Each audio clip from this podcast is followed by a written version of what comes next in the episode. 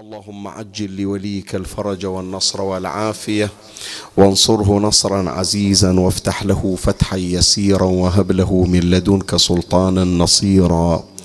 رب اشرح لي صدري ويسر لي أمري واحلل عقدة من لساني يفقه قولي.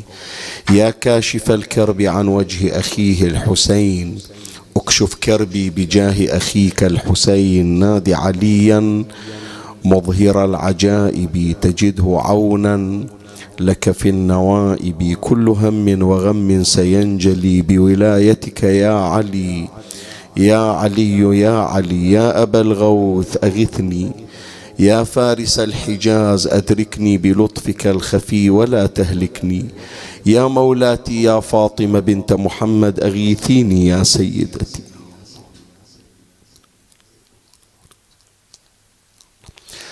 صلى الله عليك يا سيدي ويا مولاي يا رسول الله.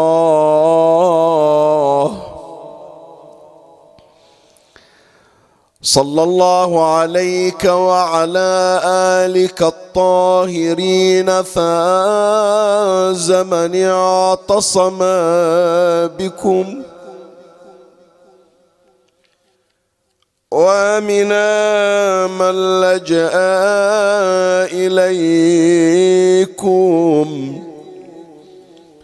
يا ليتنا يا ليتنا كنا معكم سادتي فنفوز فوزا عظيما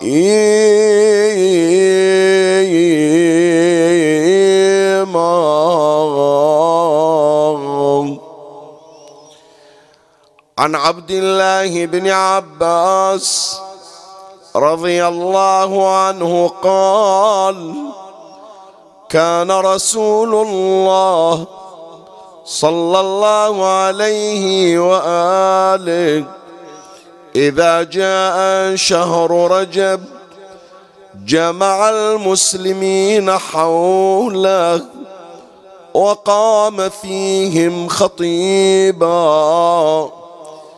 فحمد الله وأثنى عليه وذكر من كان قبله من الأنبياء عليهم السلام فصلى عليهم.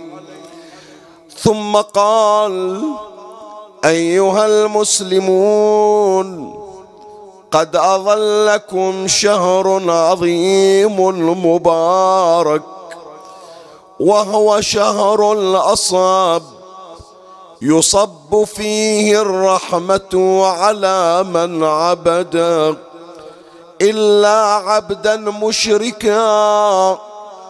أو مظهر بدعة في الإسلام. ألا إن في شهر رجب ليلة من حرم النوم على نفسه وقام فيها حرم الله جسده على النار. وصافحه سبعون ألف ملك ويستغفرون له إلى يوم مثله فإن عاد عادت الملائكة ثم قال من صام يوما واحدا من شهر رجب أؤمن من الفزع الأكبر وأجير من النار. اللهم أجرنا من نار جهنم بمحمد وآل محمد.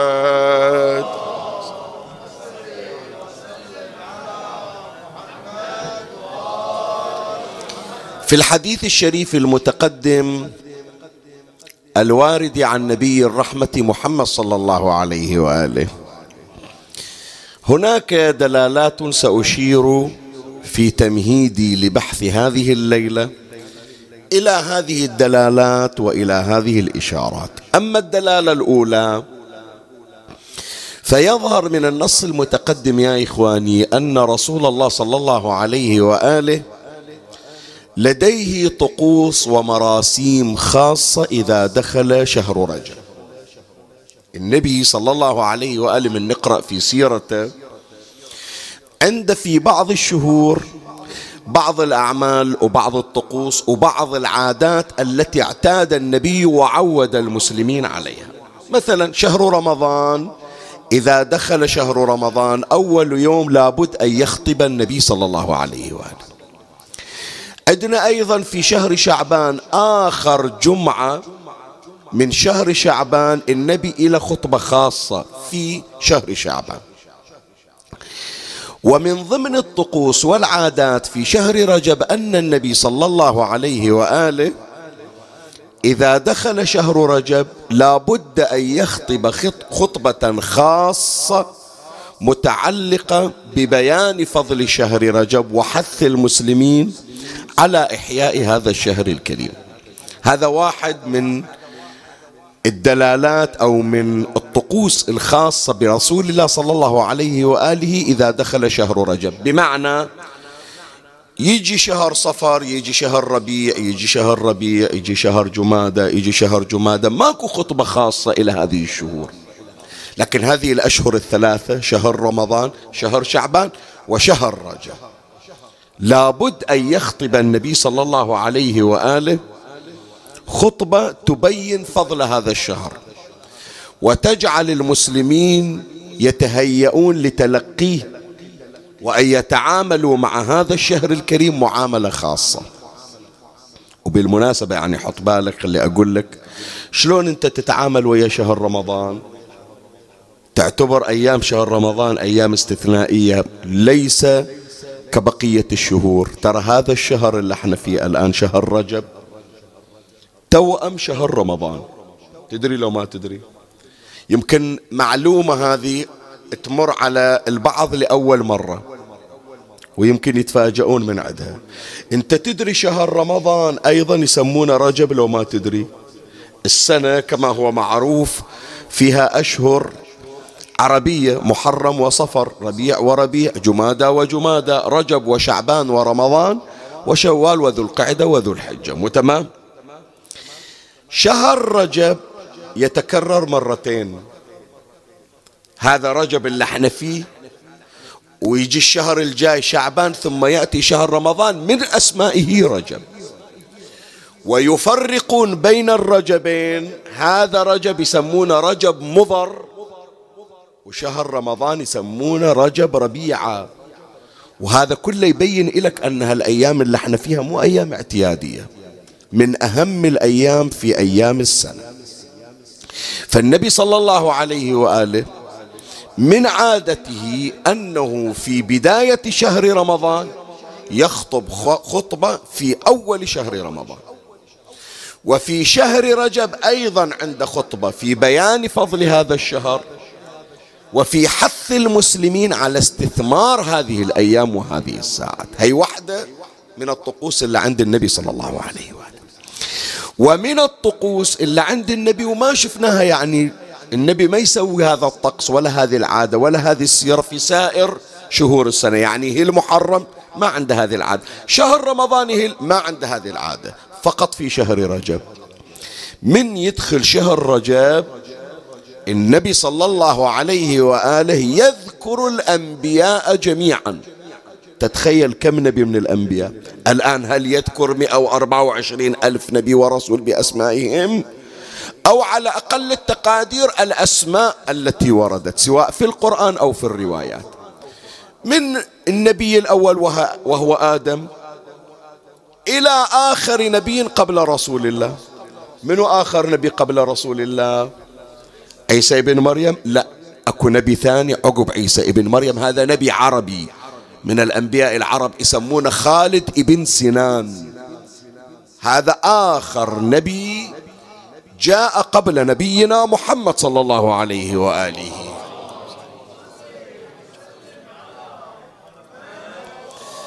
فالنبي عنده عادة وطقس من الطقوس إذا دخل شهر رجب أن يذكر الأنبياء جميعا بأسمائهم ويصلي عليهم. هذه من ضمن عادات شهر رجب. فإذا هذه واحدة من دلالات هذا النص أن هناك طقوس خاصة وعادات ومراسيم عند النبي في هذا الشهر. منها الخطبة الخاصة بشهر رجب ومنها ذكر الأنبياء والصلاة عليهم. هذا الدلالة الأولى. الدلالة الثانية في هذا النص المتقدم وجود مشابهة بين شهر رجب وشهر رمضان. يمكن ما نلقى مثل هالوجوه من أوجه الشبه متوفرة في أي شهر آخر باستثناء شهر رمضان. خلي أذكر لك بعض من عدها واحدة من أوجه الشبه بين رجب وبين شهر رمضان أن هذين الشهرين عظيمان مباركان. النبي صلى الله عليه وآله يشير في بداية شهر رجب يقول قد أظلكم شهر عظيم مبارك. مثل ما أن شهر رمضان شهر عظيم وشهر مبارك. هذا واحد من أوجه الشبه. الوجه الثاني من أوجه الشبه أن شهر رمضان فيه ليلة خفية. انت تقول لي طيب شهر شعبان اللي جاي هم أيضا في ليلة عظيمة وهي ليلة النصف من شهر شهر من شهر شعبان مو تمام؟ يقسم فيها كل خير الشهر إن شاء الله الجاي الله يحيينا وياكم وبلغنا وياكم لابد نشير إلى هذه الليلة وأسرار هذه الليلة، ليلة النصف من شهر شعبان يقسم فيها كل خير إلى إنسان. العمر طول العمر الصحة الرزق الأسفار الذرية. كل خير مقسوم إليك في السنة هذه إلى السنة القابلة. هذا يعطونك الملف مال ليلة النصف من شهر شعبان. تجي ليلة القدر الملف اللي جابوه إليك اللي فيه عطايا الله عز وجل لك في هذه السنة بعد خلاص تفعل ابتداء من ليلة القدر. فموضع الشاهد يا إخواني شنو الفرق بين ليلة القدر وليلة النصف من شهر شعبان؟ ليلة النصف من شهر شعبان معينة ليلة 15 لا هي 14 ولا هي 16 لكن ليلة القدر ما نقدر نحددها. أي ليلة هي ليلة القدر؟ بعضهم يقول ليلة 23 بعضهم يقول ليلة 19 بعضهم يقول ليلة 21 بعضهم يقول ليلة 17 بعضهم يقول ليلة 27 بعضهم يقول أول ليلة من شهر رمضان بعضهم يقول الليالي الفردية من شهر رمضان. يعني ليلة واحد ليلة ثلاثة ليلة خمسة ليلة سبعة ليلة تسعة ليلة وهكذا الليالي الفردية. بس واحد يحدد لك إياه ليلة القدر. ما عاد. حتى واحد اجى إلى الإمام الصادق عليه السلام. قال له سيدي حددها إلي عطني رقم. لا الإمام يقول له اطلبها في ليلة التاسع عشر والواحد والعشرين والثلاثة والعشرين. هذه ثلاث ليالي اشتغل على روحك فيهم قال لا سيدي أريد ليلة. لا تعطيني ثلاث خيارات. أريد تحددها إلي.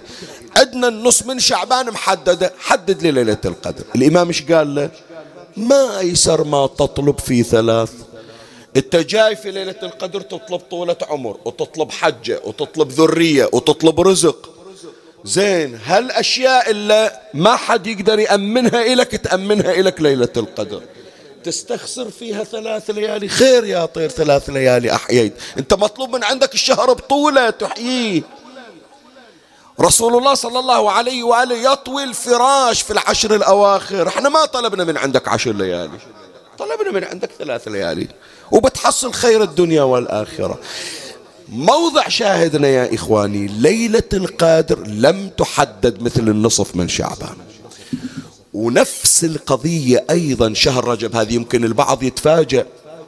ترى فيها ليلة شبيهة بليلة القدر. لكن ما ندري في أي ليلة. أي نعم. هذا حتى تحط بالك. إذا على الأقل أهل البيت عطوك ليالي محتمل فيها أن وقوع ليلة القدر. الليلة الخفية في شهر رجب مو محددة. ما تدري. عليك أن تجتهد طيلة الشهر. بعض الروايات تقول أن الليلة الخفية في أول الشهر. يعني من يقولون لك الليلة هل هلال شهر رجب؟ الليلة التي تعادل ليلة القدر والشبيهة بليلة القدر في أول ليلة من ليلة من شهر رجب. هناك روايات من هذا القبيل. وإلا الروايات الأخرى تقول هناك ليلة خفية لا نعلم في أي ليلة من ليالي شهر رجب. فيها الخير. خلي أقرأ لك الرواية التي وردت عن النبي. قال ألا إن في شهر رجب ليلة من حرم النوم على نفسه وقام فيها حرم الله جسده على النوم. لا خذ الأزيد بعد. خذ الأزيد. القرآن الكريم يشير إلى نزول الملائكة في ليلة القدر. تنزل الملائكة والروح فيها بإذن ربهم من كل أمر. سلام هي حتى شنو؟ مطلع الفجر. يعني الملائكة اللي ينزلون في ليلة القدر ما يطولون 24 ساعة ليلة واحدة بس. ليلة واحدة وياك. الجلء ساعة الفجر سلام هي حتى مطلع الفجر يعني شنو يعني؟ خلاص. مثل ما نقول إحنا البحارنا خلص الزام. الدوام مالهم خلص. صار وقت الفجر ودعوك تصافحوا وياك سلموا عليك مشوا التقوا عند الكعبة وعرجوا إلى السماء. ما يرجعون لك إلا دور السنة. زين هذه الليلة اللي في شهر رجب الملائكة اللي ينزلون فيها. وقتهم متى؟ دوامهم متى ينتهي؟ زامهم متى يخلص؟ شو تقولون؟ يوم؟ أسبوع؟ شهر؟ الرواية تقول بأن الملائكة اللي ينزلون في هذه الليلة لمن أحياها؟ يبقون عنده سنة كاملة. إي نعم حط بالك. سنة كاملة قاعدين وياه. كان الملائكة اللي ينزلون في ليلة القدر ليلة واحدة يعني ما يكملون 24 ساعة. الملائكة اللي ينزلون في الليلة الخفية في شهر رجب سنة كاملة إلى دور السنة. تجي الليلة من دور السنة يسلمون عليك ويجون وفد ثاني. من الملائكة يستلمون مكانهم. مال اللعام مشوا واستمروا وياك ملائكة جدد عاد هنيال الذي يعثر على هذه الليلة. المطلوب من عندنا شنو؟ إحنا الليلة مي محددة عندنا. حتى ليالي القدر انت عندك الآن الحمد لله رب العالمين. الأمور تغيرت عن السابق. سابقا يحيون ليلة القدر. ليلة 23 وعدهم كم عمل؟ قراءة السور صلاة ليلة القدر زيارة الحسين دعاء الجوشن الكبير والصدقة وزيارة الإمام الحسين. خلصوا. ساعة تقريبا 12 رجعوا بيوتهم انتهت يعني الإحياء مو طول الليل. الآن ولله الحمد لا اختلفت. بعد من يأذن المغرب إلى أذان الفجر المساجد ما توقف إحياء. وفي السنوات الأخيرة بعد لا تغيرت صارت مظان ليلة القدر هم أيضا فيها إحياء.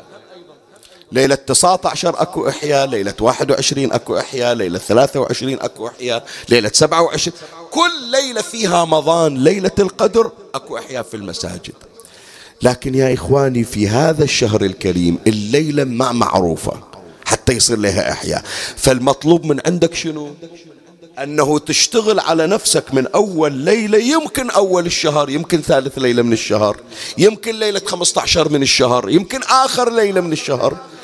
فاللي يريد يحصل على هذا الخير حري به أن يحيي الشهر كله بالعباد. فلهذا يقول نبينا محمد صلى الله عليه وآله.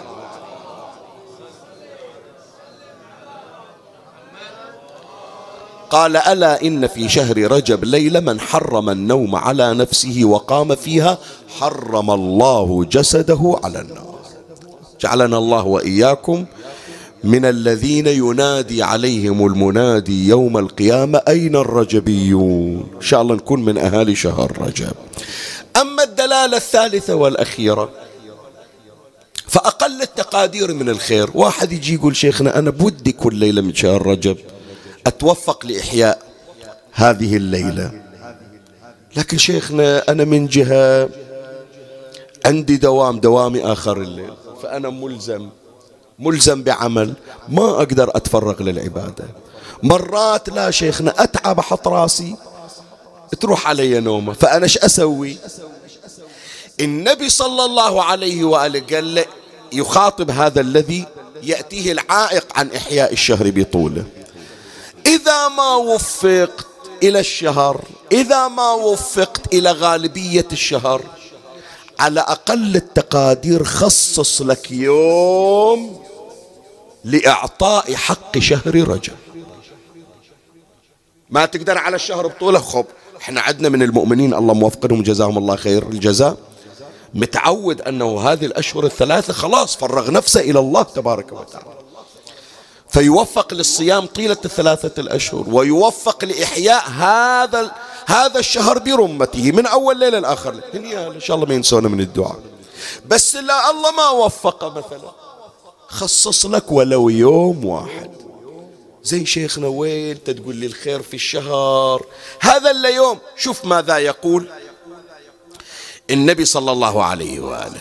قال من صام يوما يوم مو شهر بطولة. من صام يوما واحدا من شهر رجب أومن من الفزع الأكبر وأجير من النار. هو يوم واحد. أي والله يوم واحد. هاليوم قال خلاص بعد الدنيا ما إلي شغل فيها. الطلعات اللي كل مرة أطلع بلازم وغير لازم تركت بطلت. هذا اليوم بيني وبين الله. صار هذا اليوم سبب لأن يعطى صك ضمان للنجاة من نار جهنم ودخول الجنة. جعلنا الله وإياكم إن شاء الله من من حصل على هذا الصك. ونجاه الله تبارك وتعالى من أهوال يوم القيامة وآمنه من الفزع الأكبر. ونجاه من النار بحرمة الصلاة على محمد وآل محمد.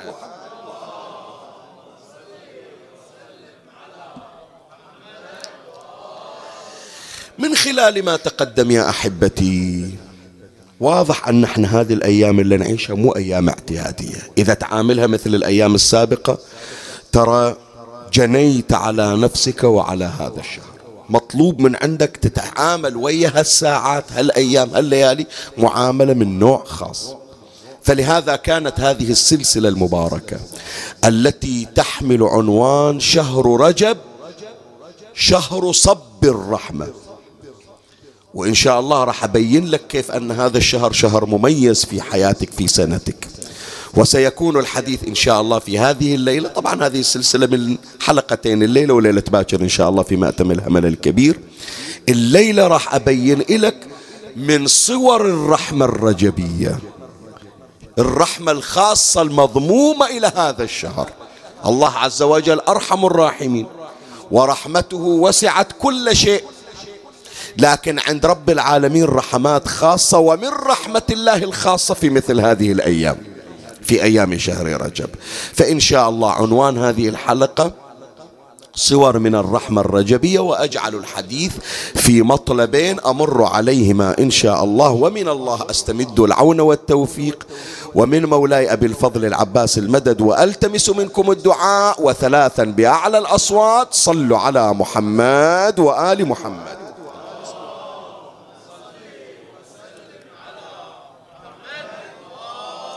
اللهم صل على محمد وآل محمد وعجل فرجا اللهم صل على محمد وآل محمد.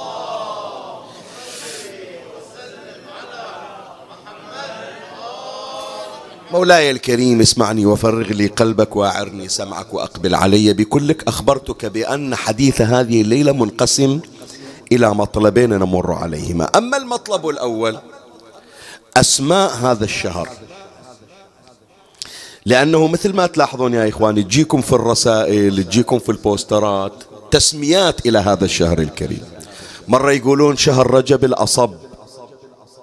مرة واحد يجي يصحح للثاني لا مو الأصاب الأصم. مرة لا يكتبون رجب المرجب. صحيح لو لا؟ كل هذه الأسماء يا إخواني تدل على رحمة الله في هذا الشهر الكريم. ففي هذا المطلب المطلب الأول راح أمر معك على أسماء هذا الشهر وأبين لك رحمة الله في هذه التسميات لهذا الشهر الكريم. فأول اسم من أسماء هذا الشهر يسمى برجب الأصب بالباء. رج رجب شنو؟ الأصب. ولماذا سمي برجب الأصب النبي صلى الله عليه وآله يفسر إلنا التسمية. ليش سموه الأصب؟ قال صلى الله عليه وآله وهو شهر الأصب يصب فيه الرحمة على عبده. إيه هذه ترى فيها إشارتين. إحنا بس رحمة واحدة تجينا.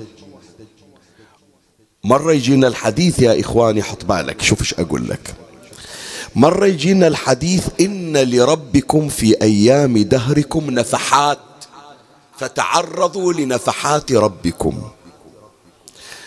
الرحمة الإلهية تجي على هيئة نفحة. نفحة شنو يعني؟ شايف نسيم الهوى لما يمر عليك؟ مو العاصفة مو الهوى القوي لا. هبة هوى مرت عليك سريعا. هذه هبة الرحمة نفحة الرحمة. إلا مرت عليك ما أخذ الثانية. كفيلة بأن يشفى في بها المريض ويفرج بها عن المكروب. وهي مرت سريعا بس مو أكثر من هذا. مرة رحمة رب العالمين ما تجي على هيئة نفحة. لا. أجي على هيئة هدية تأتيك على باب دارك. تفتح الباب وإذا رحمة مخلية إلك على باب الدار. ذاك اليوم تحصل توفيق. ذاك اليوم أمورك ميسرة ومسهلة. ليش؟ لأن الله تبارك وتعالى جعل لك, جعل لك رحمة عند الباب. فمن هنا يا إخواني هذا ما موجود بالتحضير. هذه من بركات أهل البيت عليهم السلام. ليش أنا دائما أكد أنه يوم اللي تريد تطلع أول طلعتك من البيت حط بالك. مرة بتطلع من الدوام من الصبح. مرة ذاك اليوم ما عندك دوام لكن ما طلعت إلا الظهر أو العصر. شوف لا تفتح باب بيتك وتطلع إلا أول توفق إلى بعض الأذكار لأن هناك خير ورحمة وضعت لك على أعتاب بيتك.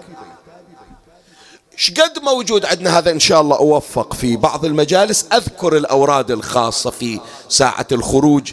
من البيت وفي الطريق إلى نهاية اليوم الأذكار من أول اليوم إلى آخر اليوم للسلامة والوقاية وللخير. لكن أبسط شيء هي ما يراد لها حتى أطفالنا يعرفونها. أول ما تطلع اسمعني إيش أقول لك. أول ما تطلع من باب بيتك. تنظر إلى جانبك اليمين. تقرأ قل هو الله أحد. تنظر إلى جانبك اليسار. تقرأ قل هو الله أحد. تنظر إلى خلفك تقرأ قل هو الله أحد. تنظر إلى أمامك تقرأ قل هو الله أحد. ترفع رأسك إلى أعلى تقرأ قل هو الله أحد. تنظر إلى الأسفل تقرأ قل هو الله أحد. هذه الست مر ست الجهات تستخدم فيها قل هو الله أحد. صرت في كفاية رب العالمين. حتى الشياطين إذا جاءت في الروايات تريد الإساءة إليك يقولون كيف نصل إليه وقد عوذ نفسه بقل هو الله. صرت خلاص في حماية رب العالمين. أدنى من ضمن الأذكار أن تقول بسم الله ولا حول ولا قوة إلا بالله. توكلت على الله. خلاص انتهت. واحد يقول شيخنا طالع مستعجل ما مداني. وين أنا أوقف أخذ راحتي؟ زي سبق شوية. لا طلعت مستعجل إيش أسوي؟ قل حسبي الله ونعم الوكيل توكلت على الله. خلاص أنت في حماية رب العالمين. فهناك خير يا إخواني هناك خير مخلينا لك من الصبح ساعة التوزيع. توزيع الأرزاق حاطين لك على باب الباب باب البيت. من تطلع تستلم هذا الخير. زين صارت عندنا نفحة رحمة. وصارت عندنا رحمة خلوها على باب البيت. لكن شوف هذا الشهر وما فيه من الرحمة. النبي صلى الله عليه وآله يقول تصب فيه الرحمة. يعني فيض إلهي. فيض. تخيل جنابك أنت حط بالك يا أولادي يا إخواني يا أحبائي أينما كنتم. شوف أيام المطر اللي نزلت خصوصا إذا كان المطر منهمر مو راضي يوقف ليل نهار. تخيل انت كل قطرة من القطرات المطر اللي تنزل عليك رحمة خاصة كل رحمة تختلف عن الثانية مثل كل قطرة تختلف عن الثانية. كم أنت تنعم في رحمة الله عز وجل؟ شهر رجب يا إخواني مطر الرحمة الإلهية يصب على رؤوسنا. أعيدها.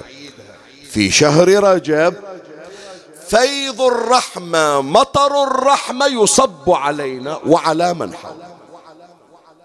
فلهذا النبي صلى الله عليه وآله يسمي شهر رجب شهر رجب الأصب بالباء. شنو يعني؟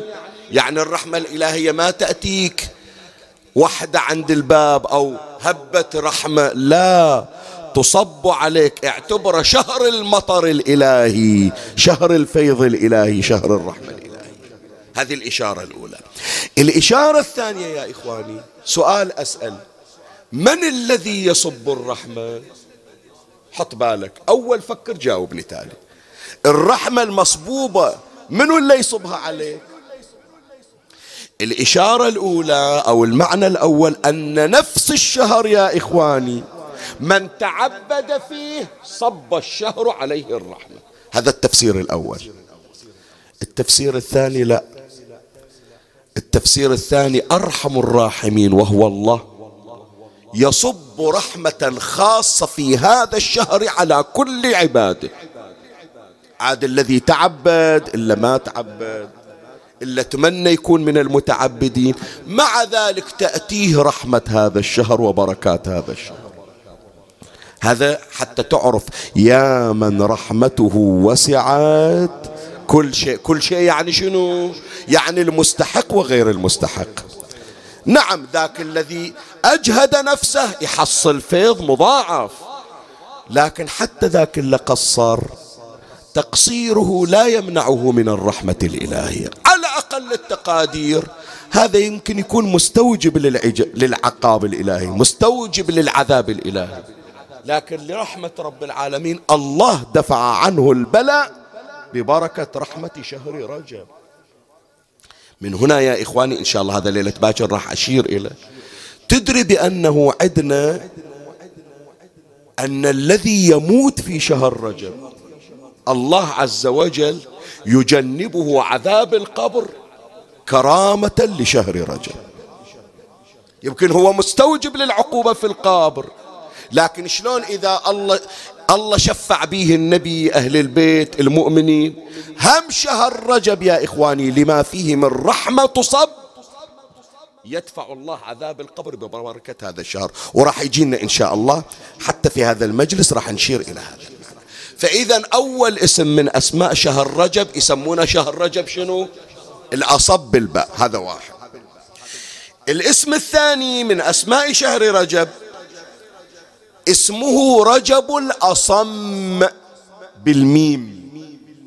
ذاك رجب الأصب بالباء هذا رجب الأصم بالميم. والحديث عن نبينا محمد صلى الله عليه وآله.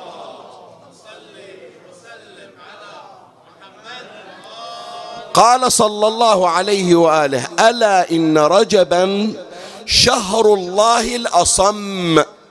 وهو شهر عظيم. الآن النبي راح يبين لنا معنى الأصم. قال وإنما سمي الأصم لأنه لا يقاربه شيء من الشهور حرمة وفضلا عند الله. وكان أهل الجاهلية يعظمونه في جاهليتهم فلما جاء الإسلام لم يزدد إلا تعظيما وفضلا. سموه الأصم شنو؟ يعني ما يشابه شهر. محرم مو نفس رجب صفر مو نفس رجب ربيع ربيع جمعة. طبعا خل شهر رمضان. شهر رمضان هذا لا يقاس به. سألوا النبي صلى الله عليه وآله قالوا زين شهر رمضان؟ قال لا يقاس به. طلع رمضان على كتر وعندك غير رمضان عشرة أشهر من محرم إلى ذو القعدة. كل هذه الأشهر لا تعادل شهر رجب. حتى شهر شعبان. والغريب يا إخوان شوية ما يخالف خلي صدرك الليلة متسع حتى تسمع هالعبارة. النبي صلى الله عليه وآله يتكلم عن أهل الجاهلية. تعرف منو أهل الجاهلية؟ أهل الجاهلية اللي يخلي له صنم من تمر يعبده وتالي ياكل الصنم اللي يعبده. أهل الجاهلية اللي تو جايبين له بنية حفر لها حفرة ودفنها. أهل الجاهلية اللي يجي يطوف حول الكعبة عاري هو ويا مرته. هذول أهل. هذول النبي يسولف عنهم يقول من يجي شهر رجب؟ عندهم احترام إلى هذا الشهر وإلى حرمته. متوعد ذاك قاتل أبوه قال بس أشوفك بس أشوفك راح تشوف إيش أسوي بك أطلبك ثار قاتل أبويا أنت قاتل ابني أنت قاتل أخويا أنت ناهب مالي أنت. خلي بس أشوفك. شافه جرد السيف يريد يقتله قال ها ها يا واش يا واش. ترى هل هلال رجب؟ هل هلال رجب؟ ضم السيف مكانه إلى أن يطلع رجب. مو احترام إلك احترام إلى هذا الشهر. شوف هذول اللي يسجدون إلى الصنم إلى اللي يعبدون صنم من تمر. إلى اللي تستخف بيهم تقول قد كانوا ما يفتهمون. عندهم احترام إلى هذا الشهر. النبي صلى الله عليه وآله يقول فلما إجا الإسلام زاد هذا الشهر تعظيما على تعظيم الجاهلية. الآن اسمعني إيش أقول لك. بشرفك مو عيب علينا إحنا. مو خزي. نسمع عن ذولا اللي نضحك عليهم الجاهليين. شقد يحترمون هذا الشهر؟ وإحنا اللي متربين في المآتم في المساجد. إلا ما تمر علي سنة إلا طلعت رحت إلى كربلاء أزور إلى مشهد عند الإمام الرضا. يهل علينا شهر رجب بعده الخلافات بعده العداوات بعده قطيعة الأرحام بعده عقوق الوالدين بعده المشاكسات بين الجيران. هذا بالله عليك قل لي إلا ماكل حق عيال أخوه. توفى أخوه خلوه وصي على أموال الأيتام. وإلى أن كبروا أنا أحكي لك أنا أحكي لك أنا أسولف لك وأحكي لك. أعرف شخص من الأشخاص أولاد أخوه أو بنات أخوه كبروا إلى أن وصلوا السبعين والثمانين وهو فوق التسعين. ومع ذلك ما رجع أموالهم المأكولة والمأخوذة. إلى سبعين سنة. زين هالسبعين سنة يا جماعة؟ أسألكم. كم شهر رجب في سبعين سنة؟ سبعين شهر. كم ليلة قدر مرت عليه؟ زين هذا كل رجب اللي يجي ذاك اللي يسجد للصنم واللي يطوف حول الكعبة عاري يحترم ذاك الشهر. وإنت اللي يسمونك خادم الحسين وزاير الحسين وطالع مشاي وكل سنة الحج والعمرة وكل سنة زيارة ما عندك احترام. دخيل الله لا تصير مسلم ولا شيعي ولا خادم من خدام الحسين. صير مثل الجاهلية اللي يسجدون للصنم.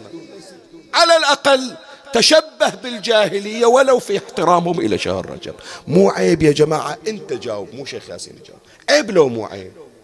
شو نقول لله؟ شو نقول الأمير المؤمنين؟ شو نقول لأهل البيت؟ من نسمع هالأحاديث وهالتوجيهات شو نجاوبهم؟ مرة واحد الشيطان استحكم في قلبه لكن يقول يا ربي ساعدني حتى أتخلص. ومرة واحد يكابر مرة واحد يكابر. شلون يكابر أنا أقول لك شلون يكابر شايل القرآن أحكي لك شهر رمضان ورا شهرين الله يبلغنا وياكم شهر رمضان وتجي ليلة القدر وشايل المصحف ماله وشايل مفاتيح الجنان ماله وشايل التربة مالته وشايل السبحة مالته وين رايح حجي؟ رايح المسجد عندنا أحياء ليلة القدر. ويقعد بصفه وهو عاطلنا صفح شو يسوي المصحف اللي راح تحطه على راسه؟ شو يسوي مفاتيح الجنان اللي راح تقرأ فيه دعاء الجوشن الكريم؟ شو تسوي بيك التربة اللي راح تسجد عليها؟ وأنت مصر على تحدي لا ترى. أنت ما تتحدى هذا العدو. هذا الله يقول لك أريد أشوف غلاتي عندك عزازتي عندك. راح أشوف قدر أهل البيت عندك. توجبنا لو توجب شيطانك. صار شيطاننا أقوى من الله عندنا هو الله الأقوى. لكن أكو ناس استضعفوا قدر الله. ما ما عرفوا لله قدره يقول له أدري أنت قوي وأدري من أصلي أقول الله أكبر. لكن الليلة ليلة القدر عناد أقول مو الله أكبر شيطاني أكبر منك يا رب. والقرآن شايل لنا ومفاتح الجنان شايل لنا. فيا إخواني هذه الليلة رسالة رسالة. من يكتبون لك في المسج شهر رجب الأصم الله يقول لك أن هذا الشهر ليس كبقية الشهور. وكانت الجاهلية تحترمه وهم يكفرون بالله لكن يحترمون الشهر. فكيف تحترم الله باحترامك لهذا الشهر؟ هذا الليلة أنت احكي ويا روحك. قول على الأقل خلافاتي ما أجمدها كرامة لهالشهر. لو أنا أصر بينك وبين الله. هذه التسمية الثانية رجب الأصم. التسمية الثالثة من أسماء شهر رجب. رجب هو شهر الله. هذا الشهر يسمونه شهر الله. وقد قال نبينا محمد صلى الله عليه وآله قال ألا إن رجب شهر الله. زين الشهر الجاي شعبان. قال وشعبان شهري. زين وشهر رمضان؟ قال ورمضان شهر أمتي. فهذا من أسماء الشهر الكريم يسمونه شهر الله. بعد التسمية الرابعة هي الليلة يا أولادي يا إخواني حفظوها عندكم حتى تعرفون هالأيام هذه. هذا الشهر يسمونه شهر رجب الأصب وشهر رجب الأصم. هذا الشهر هو شهر علي بن أبي طالب. إذا سايلوك في السنة أي شهر شهر علي؟ شهر علي أي شهر؟ هذا الشهر اللي انت فيه. زين منو اللي قال هالكلمة؟ شيخ ياسين لو غيره؟ لا هو أمير المؤمنين سلام الله عليه. قال أمير المؤمنين روى العلامة آه، في آه، الحر العامل في وسائل الشيعة يذكرها. قال روي عن أمير المؤمنين عليه السلام أنه كان يصوم رجبا ويقول رجب شهري يعني شهر علي. ويقول رجب شهري وشعبان شهر رسول الله صلى الله عليه وآله وشهر رمضان شهر الله عز وجل. فاذا من أسماء هذا الشهر أنه شهر علي بن أبي طالب عليه السلام. بعد ختاما الاسم الخامس من أسماء شهر رجب والذي يدل على رحمته يسمى بشهر رجب المرجب. ما يطرشون لك ساعة نبارك لكم حلول شهر رجب المرجب. المرجب يعني شنو؟ المرجب يعني المعظم. من يقولون فلان رجبته مو وجبت بالواو بالراء. رجبته يعني شنو؟ يعني عظمته. فأنت تقول رجب المرجب كيف تعظم هذا الشهر؟ شوف أنت الآن شلون تعظم هذا الشهر. لابد أنه عبادتك بهذا الشهر تكون عبادة مختلفه الما يصلي صلاة الليل يحرص على الأقل هالشهر لا يطلع إلا مصلي ولو ليلة واحدة. ما قدرت اسمع. شوف إيش أقول لك. بعضهم يقول شيخنا أريد أصلي صلاة جعفر الطيار أستثقلها. أريد أصلي صلاة صلاة الليل ما موفق لها على أقل التقادير يا إخواني اشتغل بذكر الله عز وجل. وارد عندنا إن شاء الله ليلة باكر راح أشير إلى. وارد عندنا في هذا الشهر شهر الاستغفار. تفتتح كل يوم باستغفار الله سبعين مرة وتختمه بالاستغفار سبعين مرة. فأنت على أقل التقادير حتى الاستغفار استكثرتها سبعين مرة هي ما تأخذ من عندك حتى خمس دقائق. أستغفر الله أستغفر الله خمس دقائق خلصت. استكثرتها قل لا إله إلا الله. والحديث عن الإمام الرضا عليه السلام من لم يجد ما يكفر به عن ذنوبه فليكثر من الصلاة على محمد وآل محمد.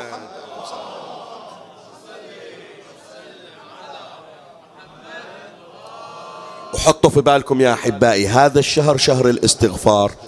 الشهر الجاي شهر شعبان شهر شنو؟ شهر الإكثار من الصلاة على محمد وآل محمد.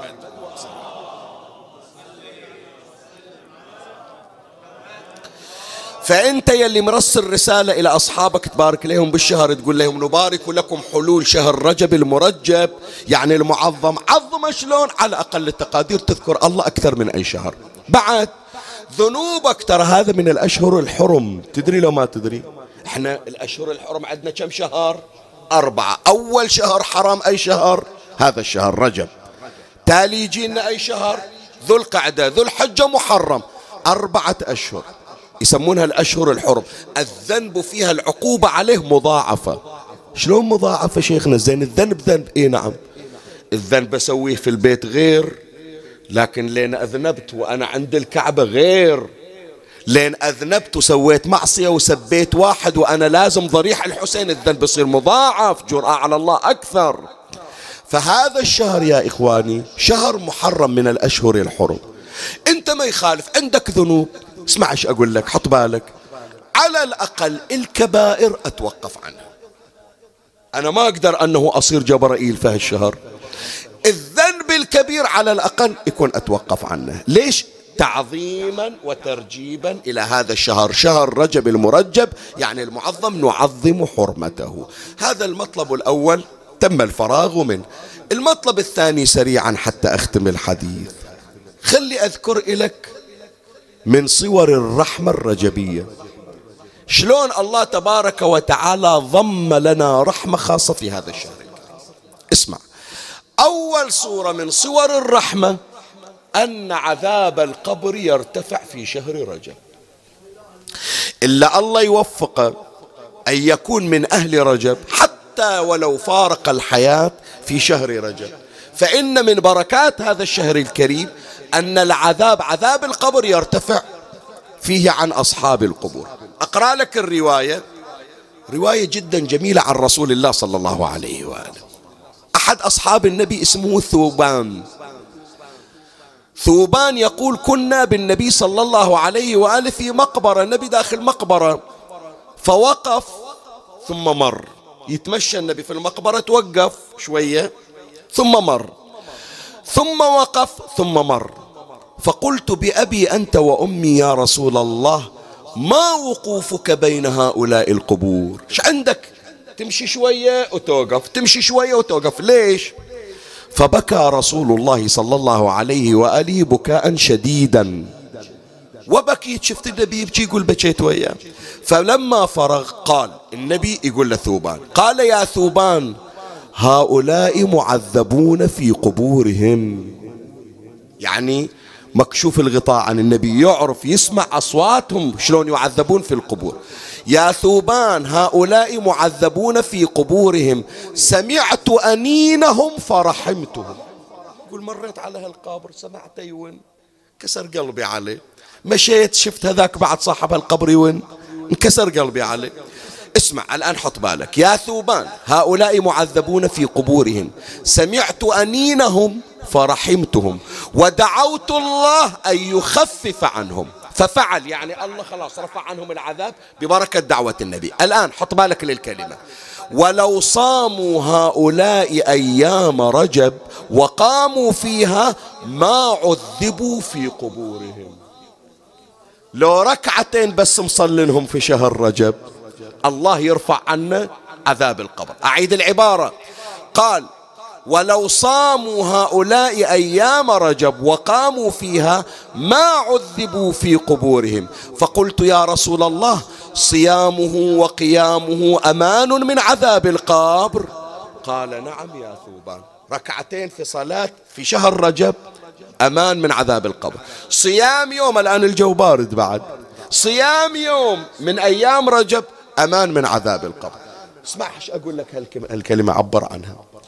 إلا الله يوفق أنه يصلي ركعتين في شهر رجب أو يصوم يوم كأنما حصل على دعوة من نبينا محمد صلى الله عليه وآله. يعني يقول ذولا اللي في قبورهم يعذبون. أنا سألت الله يرفع عنهم العذاب الله استجاب إلي. لو مصلي الركعتين في شهر رجب مثل الدعوة اللي محصلينها من عندي الآن. هذا من ضمن صور الرحمة في شهر رجب أن عذاب القبر يرتفع عن الرجبيين. واحد. الثاني من صور الرحمة في شهر رجب. الشدة التي لا تفرج تفرج في شهر رجب. اللي عنده شدة شدة. كل ما يطلب من الله يفرجها يجي شهر رجب. شهر رجب فيه من الأسرار والرحمات أن الشدة المتعسرة تتفرج فيه. وأقرأ لك الرواية عن الإمام الصادق عليه السلام. قال الإمام الصادق صلوات الله عليه إن نوحا ركب السفينة أول يوم من رجب فأمر من معه أن يصوموا ذلك اليوم. ركبوا في السفينة وقال لهم تصومون اليوم أول رجب. فأمر من معه أن يصوموا ذلك اليوم وقال من صام ذلك اليوم تباعدت عنه النار مسيرة سنة ومن صام سبعة أيام أغلقت عنه أبواب النيران السبعة ومن صام ثمانية أيام يعني من رجب فتحت له أبواب الجنان الثمانية اسمع ومن صام خمسة عشر يوم أعطي مسألته. القضية المشكلة اللي راضية تنحل. ببركة صيام 15 يوم في شهر رجب تحل مسألته ويفرج عنه إن شاء الله. أنت تقول لي شيخنا الشدة اللي عندي ما تنحل. إيش كبر هالشدة اللي عندك؟ أكبر من الدنيا. أكبر من الدنيا؟ طوفان نوح غطى الدنيا كلها. صاموا ذاك اليوم. يوم رجب ففرج الله عنه طوفان قد طبق الدنيا بأسرها. شوف إيش قد. هذا أول يوم. أما الذي يصوم خمسة عشر يوم الإمام الصادق عليه السلام يقول أعطى ويقول ومن زاد؟ شوف العبارة. قال ومن صام خمسة عشر يوما أعطي مسألته. ومن زاد؟ يعني زاد على الخمسة عشر يوم؟ زاده الله عز وجل. مهما كانت مسألتك شديدة ومتعسرة. وأما الصورة الأخيرة وهي مسك الختام أن شهر رجب شهر الدعوة المستجابة إذا دعوت الله في هذا الشهر لبى الله نداءك واستجاب لك دعوتك. وأذكر لك هذه القضية وأختم بها الحديث المقدار كافي صار لنا ساعة إلا ربع إحنا نقرأ مولاي الكريم اسمعني وفرغ لي قلبك وأعرني سمعك وأقبل علي بكلك وصل على محمد وآل محمد.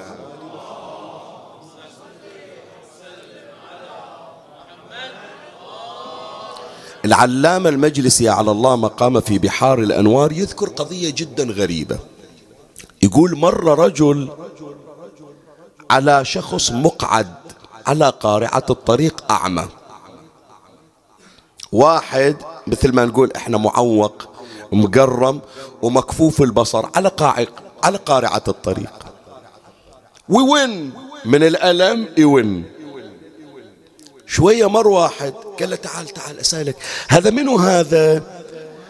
هالمعوق هذا المشلول المكفوف البصر اللي على الشارع قاعد ما عنده ما, ما عنده أحد يدير باله عليه؟ قال له تدري هذا منو؟ قال له لا ما أدري. قال هذا بهله بريق. حط بالك للكلمة. قال أي بريق؟ قال واحد يسمونه بريق عياض. هذا دعا على الديرة دعوة والله استجاب دعوته في من ظلمه. شلون؟ اسمع هذه الآن اللي يذكرها العلامة المجلس. هذا بريق أو عياض متزوج وحدة من عشيرة يسمونها عشيرة بني الغيطاء. خطب خطب البنت من عندهم وافقوا وأخذ البنت وداها ديرتهم وسكنت وياه. ذاك اليوم ما أدري إيش صار عندهم عشيرتها. زعلوا عليه. قالوا زعلت. قالوا إلى زعلنا عليك هذه زوجتك بنتنا اللي أعطيناك إياها. قال إيه؟ قالوا له ترجعها. قال شنو أرجعها شنو هي شات خروف مشتري أرجعها حتى لو مشتري من عندكم شيء خلاص تمت البيعة. أنا متزوج هذه زوجتي في حبالتي في عصمتي أم عيالي. قالوا لا خلاص. يوم أنت كفو يوم أنت صاحبنا أعطيناك بيتنا. غضبنا عليك ترجعها. قال ما رجعها. بأي قانون؟ بأي شرع؟ بأي دين؟ بأي ملة؟ قالوا ما ترجعها. قال ما رجعها قالوا نجي كلنا العشيرة نهجم عليك ونكسر باب بيتك ونطلع مرتك من عندك. ونوديها عندنا. شوف الحماقة وشوف العقلية. ترى أسولف لك شغلة يعني حط بالك. أنت تدري هذه العقلية اللي تسمع عنها إلى اليوم موجودة لو ما تدري؟ شوف غير إحنا الحين 2022 إلى الآن بعضهم يحمل هالعقلية. أحكي لك أحكي لك صحيح يعني. ومو ببلد دون آخر ببلدان كثيرة. يزعل يقول ما أرضى عن ولدي إلا إذا طلق مرته. إيش ذنبها؟ إيش ذنبها؟ إيش ذنبها هي تطلق؟ لا إذا تحبني إذا أنا أبوك إذا أنا أمك تطلقها. شنو تحكي بأي منطق أنت؟ تحكي بأي منطق؟ هذا اللي تشوف. فهذول قالوا بنتنا نرجعها قال ما أرجعها؟ قالوا إذا نهجم عليك. ونكسر باب بيتك. وناخذ بنتنا ونرجعها. الآن هو ظل حاط إيده على راسه. شو يسوي؟ زوجته أم عياله عرضه. هذول هب أنهم أولاد عمها هب أنهم أقاربها. بس هذول أجانب عليها. شلون يطلعونها من بيتها؟ قال لهم بس أريد من عندكم شغلة واحدة. قالوا شو تريد يا عياض يا بريق قال بس أجلوني إلى شهر رجب أطلب من عندكم. هذا شاهدنا. شلون أن شهر رجب فيه الدعوة المستجابة. قال بس أعطوني مهلة إلى شهر رجب. قالوا أمهلناك إلى شهر رجب. شهر رجب نجي نكسر باب بيتك ونطلع مرتك ونرجعها عدل. يوم اللي خبروه قالوا له الليلة هل شهر رجب؟ صعد على سطح منزله ورفع طرفه إلى السماء. وقال اللهم إنك تعلم إنهم قد ظلموني بغير وجه حق. أنا ما مسوي شيء تاهميني وهذه مرتي عرضي أم عيالي ويريدون يطلعونها ويمشونها بين الناس. اللهم انتقم لي منهم. مو واحد ولا اثنين كل من ظلمني. اسمعوا يا أحبائي إلا دائما يرسلون المسجات شيخنا أنا مظلوم ظلموني. المن ألجأ. هذا الشهر شهر رد المظالم والدعوة المستجابة. الشخص اللي ما عنده محامي اللي ما عنده والي الله عز وجل هو وكيله. قل حسبي الله ونعم الوكيل.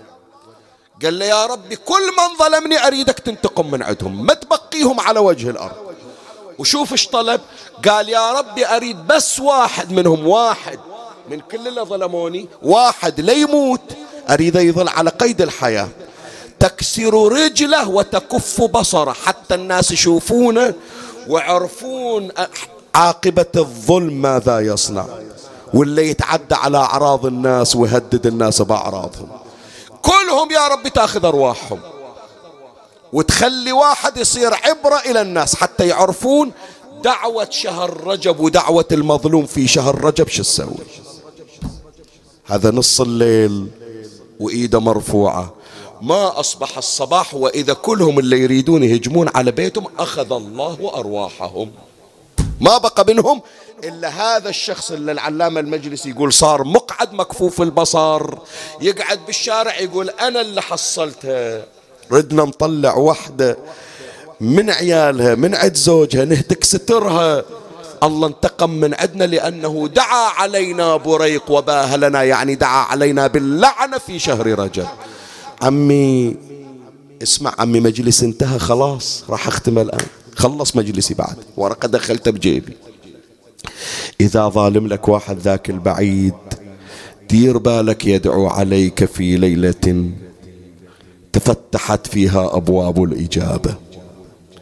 بس عمي أنا أقول لكم شيء. هذا واحد مظلوم عنده مرة واحدة. خاف عليها اللي بيطلعونها ترى مو أجانب. بيطلعونها أولاد عمها بيطلعونها عمامها لكن بيطلعونها من دارها بغير اختيارها. وقال لهم أدعو عليكم حتى ما تهتكون عرضي. واستجاب الله دعاءه. وحسين على تراب كربلاء ينادي يا شيعة آل أبي سفيان. إن لم يكن لكم مذهب ولا دين وكنتم لا تخافون المعاد فكونوا عربا كما تزعمون. شمر يقول ما تقول يا ابن فاطمة؟ قال أقول أنا الذي أقاتلكم وتقاتلوني. والنساء ليس عليهن ذمام. اقصدوني بنفسي وتعالوا ما يخالف. أنتوا ثلاثين ألف هذا الجسد قطعوه إربا إربا. بس لا واحد يمر على زينب. قالوا لا انت ولا زينب انت نقطع جسمك وزينب نهتك سترها. يا غيارة يا أهل الحمية. يقول السيد ابن طاووس وكان العلج ينازع العلوية ملحفتها. وهي تستغيث فلا تغاث وتستجير فلا تجار. يقول حميد بن مسلم ونظرت إلى امرأة واقفة على باب الخيمة والنار قد أحاطت بها. قلت لها أمة الله النار؟ قالت وأين الفرار يا ظالم؟ ولنا عليل ممدد في الخيمة. هذا وصية أخوي شلون أخليه على التراب وامشي عنه؟ يقول ثم رأيتها دخلت إلى الخيمة وخرجت تسحب ذلك الشباب على وقعدت زينب متحيرة. تاليها كانت تحكي ويا الحسين تقول له أبو علي هذه اللي ما ترضى على سترها وما ترضى على خطرها ترى راح حجابي يا حسين. أنا لا والد لي. ولا عم ألوذ به ولا أخ لي بقي أرجوه ذو رحمي وين إخوانك زينب؟ صاحت أخي ذبيح ورحلي قد أبيح وبي ضاق الفسيح وأطفالي بغير حمي. البيت هذا يحتاج إلى تأمل لأن الكلمة بي تشوي القلبها زينب تقول ترى انشاف صفى الدقة الدلالي. ترى انشاف وصرت ترى أهل دمعي. ترى انشاف زينب تقول اخبرك طول المحجب ترى انشاف. ترى انشاف ترى انشاف. واحد أشر الواحد علي. أصواتكم أصواتكم. إي إي واحد أشر الواحد.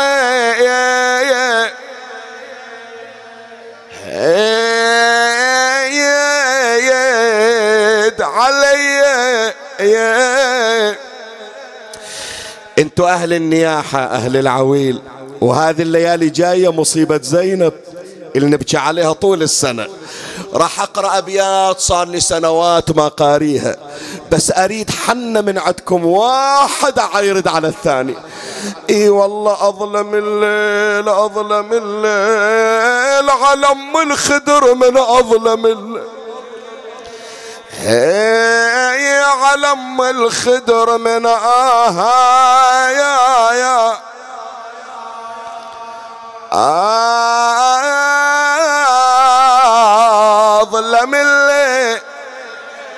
عفي عليكم. بعد ارفع صوتك أكثر.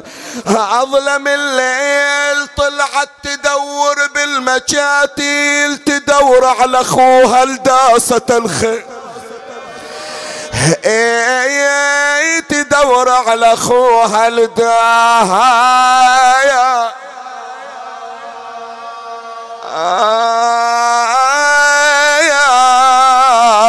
ست نادت دمع عيون هيسيل بقينا يا أخويا بلا رجاج. إلك البيت إي بقينا يا أخويا بلا يا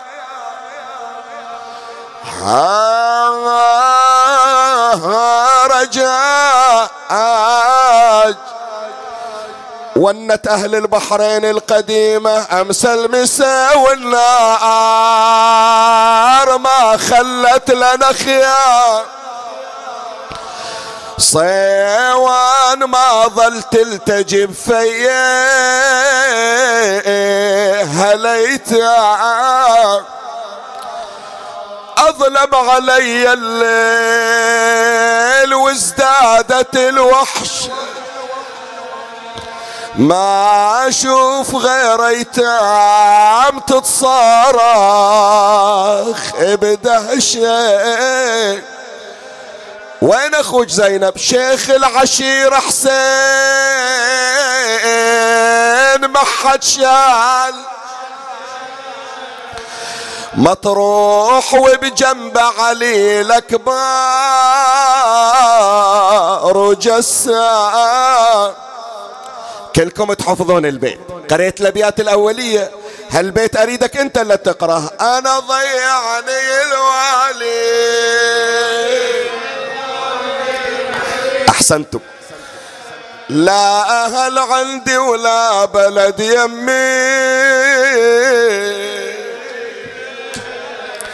علي يا علي علي إيش دعوة يا علي؟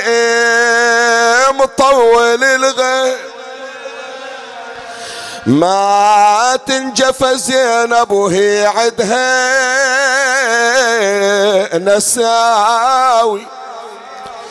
أنا عندي اعتقاد بالتجربة يا إخواني. الون على الحسين مجربة لقضاء الحاجة. من كنت مريض بمثل هالأيام وبين الموت والحياة من يجيني واحد من الخطباء أقول له لي بيتين بنية الشفاء يتذكرون إخواني وأساتذتي. فراح نقرأ بيت واحد بنية الحاجة المتعسرة. تون وانت رافع إيدك وتبشرني بقضاء الحاجة. يا والينا بقينا بغير و... يا أبا عبد الله دخيلة. والي يا راعي البيت. ظل البيت. أحسن؟ تحفظ لو لا بقيت محيرة وصفك بلي.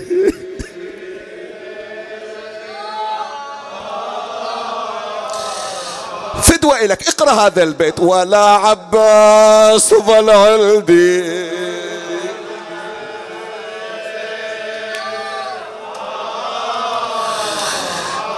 ناديتينهم يا زينب صاحت يضربوني. من أبكي وتدمع العين وتبقى عبرتي بصدري تكسر. خويا شوف الشمر بيا إيش سوى؟ صوت علمتوني أنعم جوابا يا حسين أما ترى شمر الخنا بالصوت كسر أضلعي اللهم صل على محمد وآل محمد. اللهم إني أسألك بالمولودين في رجب. محمد بن علي الثاني.